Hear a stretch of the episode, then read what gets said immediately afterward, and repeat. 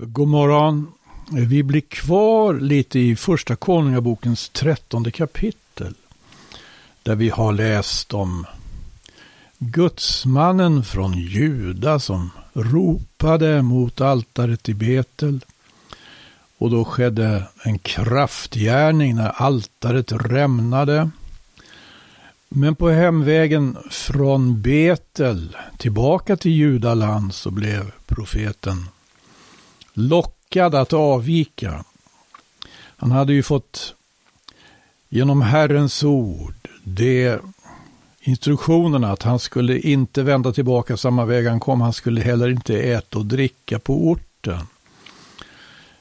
Det här eh, var det en gammal profet som liksom lockade honom att avvika ifrån. Och följden av det blev att han blev dödad av ett lejon på den sträcka som han hade kvar att avverka. Och det står som sagt om det här i första konungaboken kapitel 13 och jag läser från 24 versen. Att gudsmannen begav sig åt stad. Men ett lejon kom emot honom på vägen och dödade honom. Sedan låg hans döda kropp utsträckt där på vägen, under det att åsnan stod bredvid den. Och lejonet stod också bredvid den döda kroppen. Eh, vad är det här för död kropp? Och vad är det för ett lejon och vad är det för en åsna? Är det inte så att jag tror att det, man kan säga att det här är jag, jag är den döda kroppen. Jag är Sardes. Det är en församling som förklaras av himmelen vara död. Fastän hon har namnet om sig att hon lever. Och jag säger naturligtvis det här pedagogiskt, inte för att jag menar att jag är döda kroppen, utan det är du som är den döda kroppen, du som lyssnar. Nej, nej, ursäkta, ursäkta, naturligtvis inte du heller. Men det är någon i alla fall. Det finns någon som är att likna vid en död kropp. Eller ett torrt träd. Vi läser om det här, som sagt, i sändebrevet till Sardes, Uppenbarelsebokens tredje kapitel. Det heter så. Ifrån början där. Skriv till Sardes församlingsängel. Så säger han som har Guds sju andar och de sju stjärnorna. Jag känner dina gärningar. Du har det namnet om dig att du lever men du är död. Vakna upp och håll dig vaken och styrk det som ännu är kvar. Det som har varit nära att dö, för jag har inte funnit dina gärningar vara fullkomliga inför min Gud. Tänk nu på hur du undfick ordet och hörde det och ta vara därpå och gör bättring. Om du inte håller dig vaken så ska jag komma så som en tjuv och du ska förvisso icke veta vilken stund jag kommer över dig. Det var de tre första verserna i det här tredje kapitlet i Uppenbarelseboken. Det var frågan om att, att vara död eller nära att dö. Ja, jag ligger där på marken, jag är faktiskt inte död riktigt. Men jag är döende och jag ser det här lejonet. Och jag ser åsnan. Och om någon då skulle ställa den frågan till mig. Vad är lejonet representant för? Vad är åsnan representant för? Ja, eftersom jag har läst Bibeln skulle jag naturligtvis svara lejonet är Guds ord. Det heter om honom Jesus Kristus att han enligt Uppenbarelsebokens femte kapitel, femte vers är lejonet av Juda. Telningen från Davids rot. Vem är då åsnan? Ja, det är ju tjänaren. Det är redskap och det är snarare en bild då på profeten själv som ligger där. Om inte helt död så i alla fall döende. Eller i fara att dö. Och vad är det nu för något misstag som profeten har gjort? Jag vet inte, om man skulle ställa den här frågan till kristna i, i vår tid. Hur uppfattar du?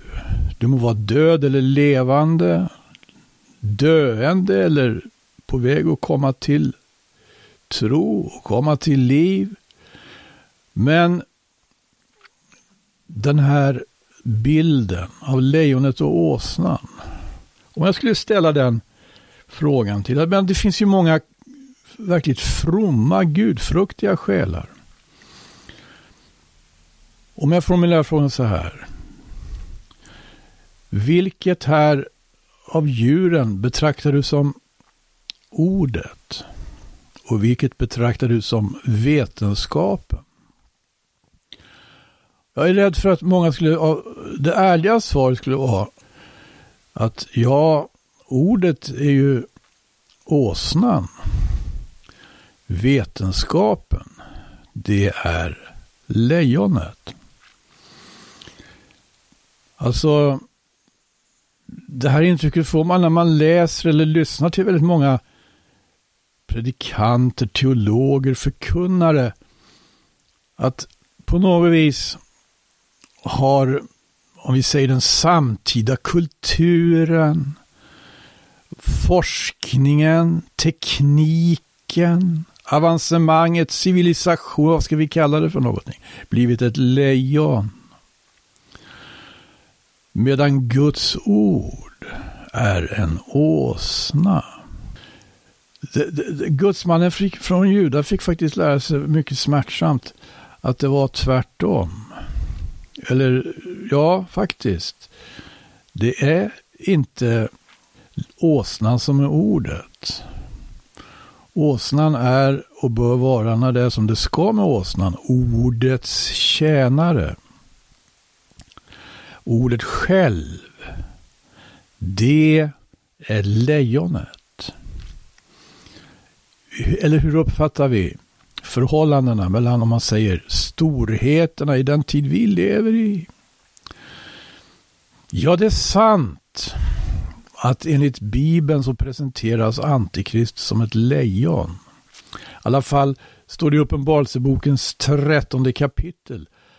Gap så som ett lejon.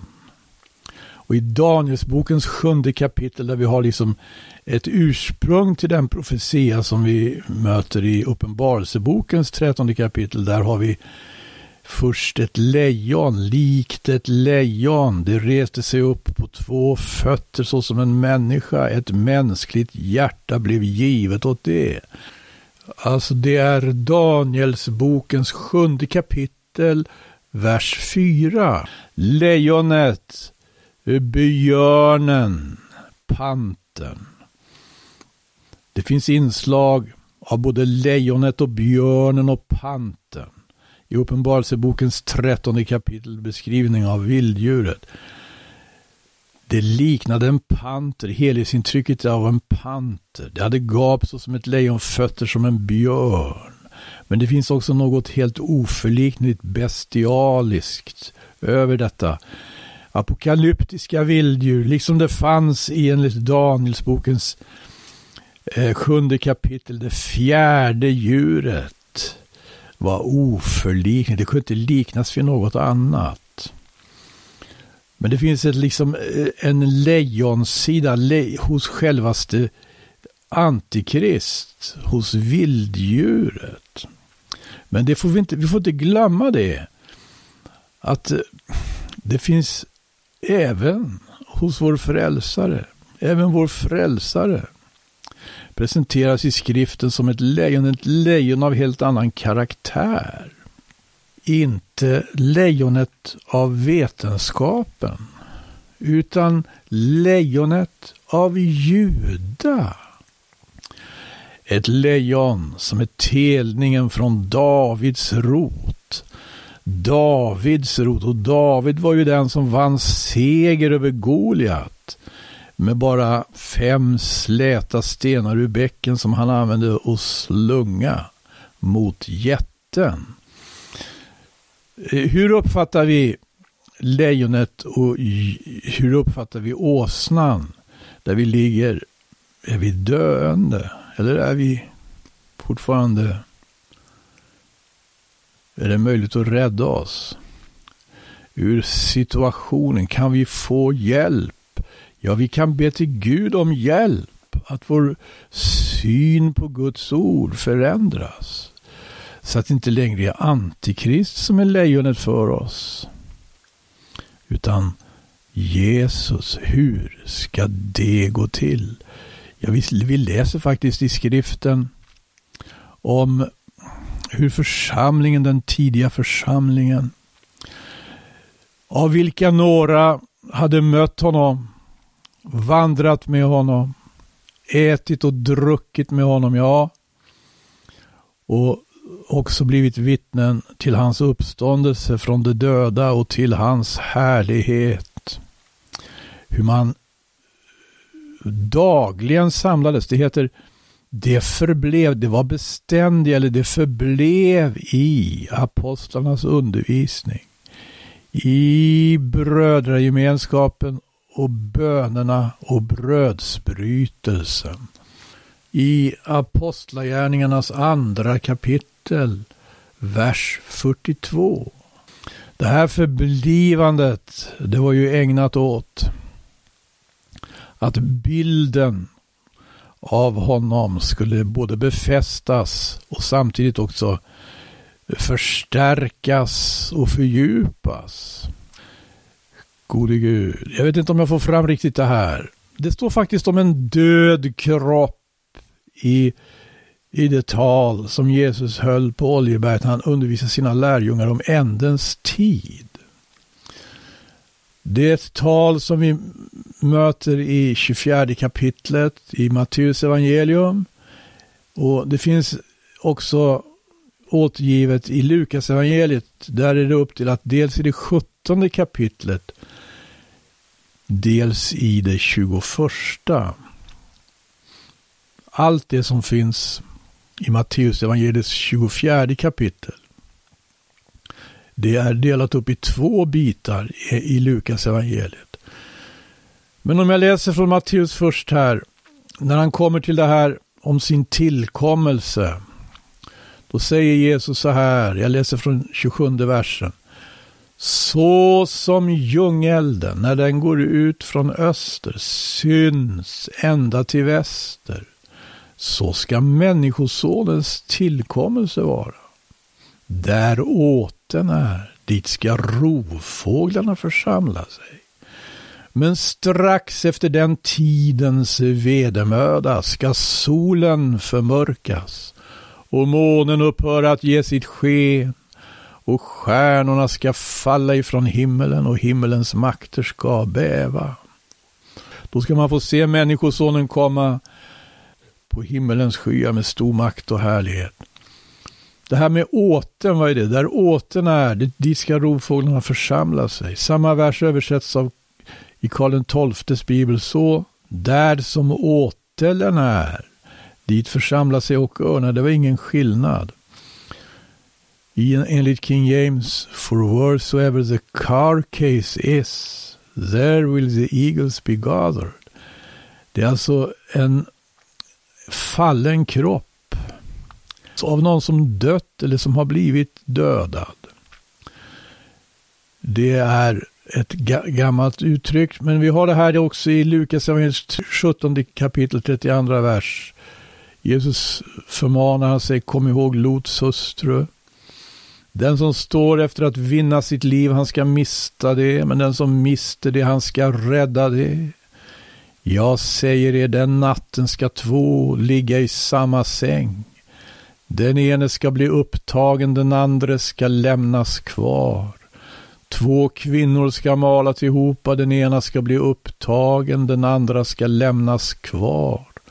Då frågade honom, lärjungarna som satt och lyssnade på honom, de frågade honom, var då, Herre? Lämnas kvar, var då, Herre? Han svarade dem, där den döda kroppen är, dit ska och rovfåglarna församla sig. Här står det i 1917 den döda kroppen. Karl XII har kvar uttrycket åtelen. Och i King James så heter det the body. The body. Oj. Det är den fallna kroppen som här möter i det här. Och vad, vad handlar det om? Men eh, innan dess, vad sa, vad sa Herren? Lukas 17, 33 igen. Den som står efter att vinna sitt liv, han ska mista det. Men den som mister det, han ska rädda det. Det här är en undervisning för hans lärjungar som ska alltså möta den yttersta tiden, ändens tid. Då gäller det här förhållningssättet. Samma förhållningssätt gällde då han kallade lärjungar. I, tidigare i Lukas i nionde kapitlet så säger han ju så i vers 24. Ty den som vill bevara sitt liv, han ska mista det. Men den som mister sitt liv för min skull, han ska bevara det. Det här gäller alltså hela vägen. Det gäller till eh, så länge församlingen är i världen, så länge Jesu lärjungar finns i världen, så, så gäller det här. Det är på det här sättet man vinner sitt liv, inte genom att söka vinna det. Vad, vad, vad, vad ska vi säga nu då om gudsmannen från Juda? Vad, vad tycker ni han gjorde? I och med att han lyssna till den gamle profeten som bjöd honom komma hem till sig, äta och dricka. Medan han var stadd på denna mycket allvarliga väg där det gällde att hålla sig till vad Herren hade befallt. Inte återvända samma väg han kom, inte äta och dricka på den orten. Var han uh, verkligen så uppmärksam på vad Gud hade talat som han borde? Eller kom det plötsligt att betyda mer för honom att liksom bevara sitt liv? Snälla någon, man måste ju äta och dricka. Jag får väl göra det då när det här erbjudandet kommer. Det verkar väl som att han var framförallt angelägen om att bevara sitt liv, liksom sin åsna om man säger så. Det gällde för honom att bevara redskapet, inte hörsamma ordet. Här kan vi också, tycker jag, lära någonting av första konungabokens trettonde kapitel när vi står inför så allvarliga tider som vi gör. Och det gäller faktiskt då att det här att vi ska fullborda vårt lopp verkligen får ha betydelse för oss. Det finns som sagt då eh, han fick den här gudsmannen låg som en död kropp. En manifestation av att han hade varit olydig. Åsnan stod där. Lejonet stod där. Lejonet hade vare sig slukat den döda kroppen eller krossat åsnan. Lejonet sa vi en bild på Juda lejon, han som stod där tyst och stilla inför Pontius Pilatus. Och när han förs bort för att korsfästas, då kommer han ju in på det här med den döda kroppen, eller rättare sagt det torra trädet. Vi läser också i Lukas evangeliet om det. Det står i 23 kapitlet. En stor hop folk följde honom, ja. Lukas 23, Vers 27. Men en stor hop folk följde med honom, bland dem också kvinnor som jämrade sig och grät över honom. Då vände Jesus sig om till dem och sa Ni Jerusalems döttrar, gråt icke över mig, utan gråt över er själva och över era barn. Till se den tid ska komma då man ska säga saliga är de ofruktsamma, det moderliv som icke har fött barn och det bröst som icke har givit di. Då ska man börja säga till bergen, fall över oss och till höjderna skyl oss. För om man gör så med det friska trädet, vad ska icke då ske med det torra? vilket var det friska trädet. Om man gör så med det friska, vad, vad, vad höll just nu på att ske? Vad höll man på med? Man höll på att föra bort Jesus till Golgata för att där bli korsfäst. Om man gör så med det friska trädet, vad är det som gör att trädet är friskt? Eller om jag säger så att kroppen är frisk. Eller ej, det, det bestäms av honom. Om man gör så med det friska trädet, vad ska icke då ske med det torra? Ligga som en död kropp, stå som ett torrt träd istället för att tillhöra honom, vara en frisk gren i det sanna vinträdet. Det är väl något av vad striden handlar om, är det inte det? Och det är ju mycket intressant att, att se då också att när han undervisar om ändens tid i Matteus evangeliets 24 kapitel, liksom i Lukas evangeliets 17 kapitel, så kommer han in också på det här om en död kropp. Vi kan säga, kan, kan vi säga, ja, Gud hjälp oss, i enlighet med första konungabokens 13 kapitel, när Jesus juda lejon paradoxalt nog fördes bort att kors, korsfästas. Då låg hela judafolket som en död kropp. Inte bara en profet, utan hela folket. Hur ska det se ut i ändens tid? Jesus talar om en död kropp. Det handlar inte bara om judafolket, det handlar om hela världen. Hela världen. Det handlar om eh, även de kristna. Det handlar om en sån församling som församlingen i Sardes. Som hade namnet om sig. Att den levde men faktiskt var död.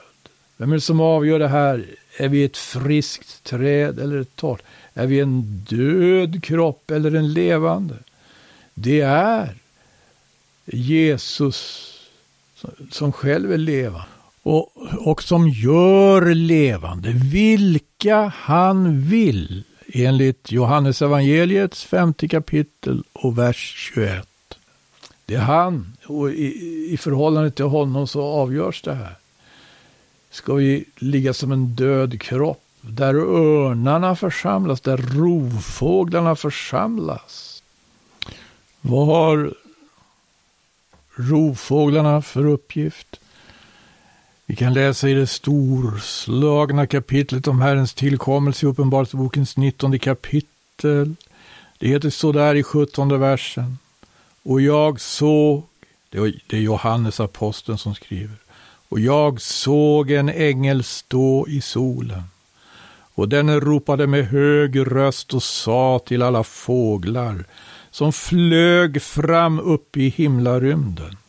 Kom hit Församla er till Guds stora gästabud för att äta kött av konungar och krigsöverstar och hjältar, kött av hästar och deras ryttare, ja, kött av alla, både fria och trälar, både små och stora.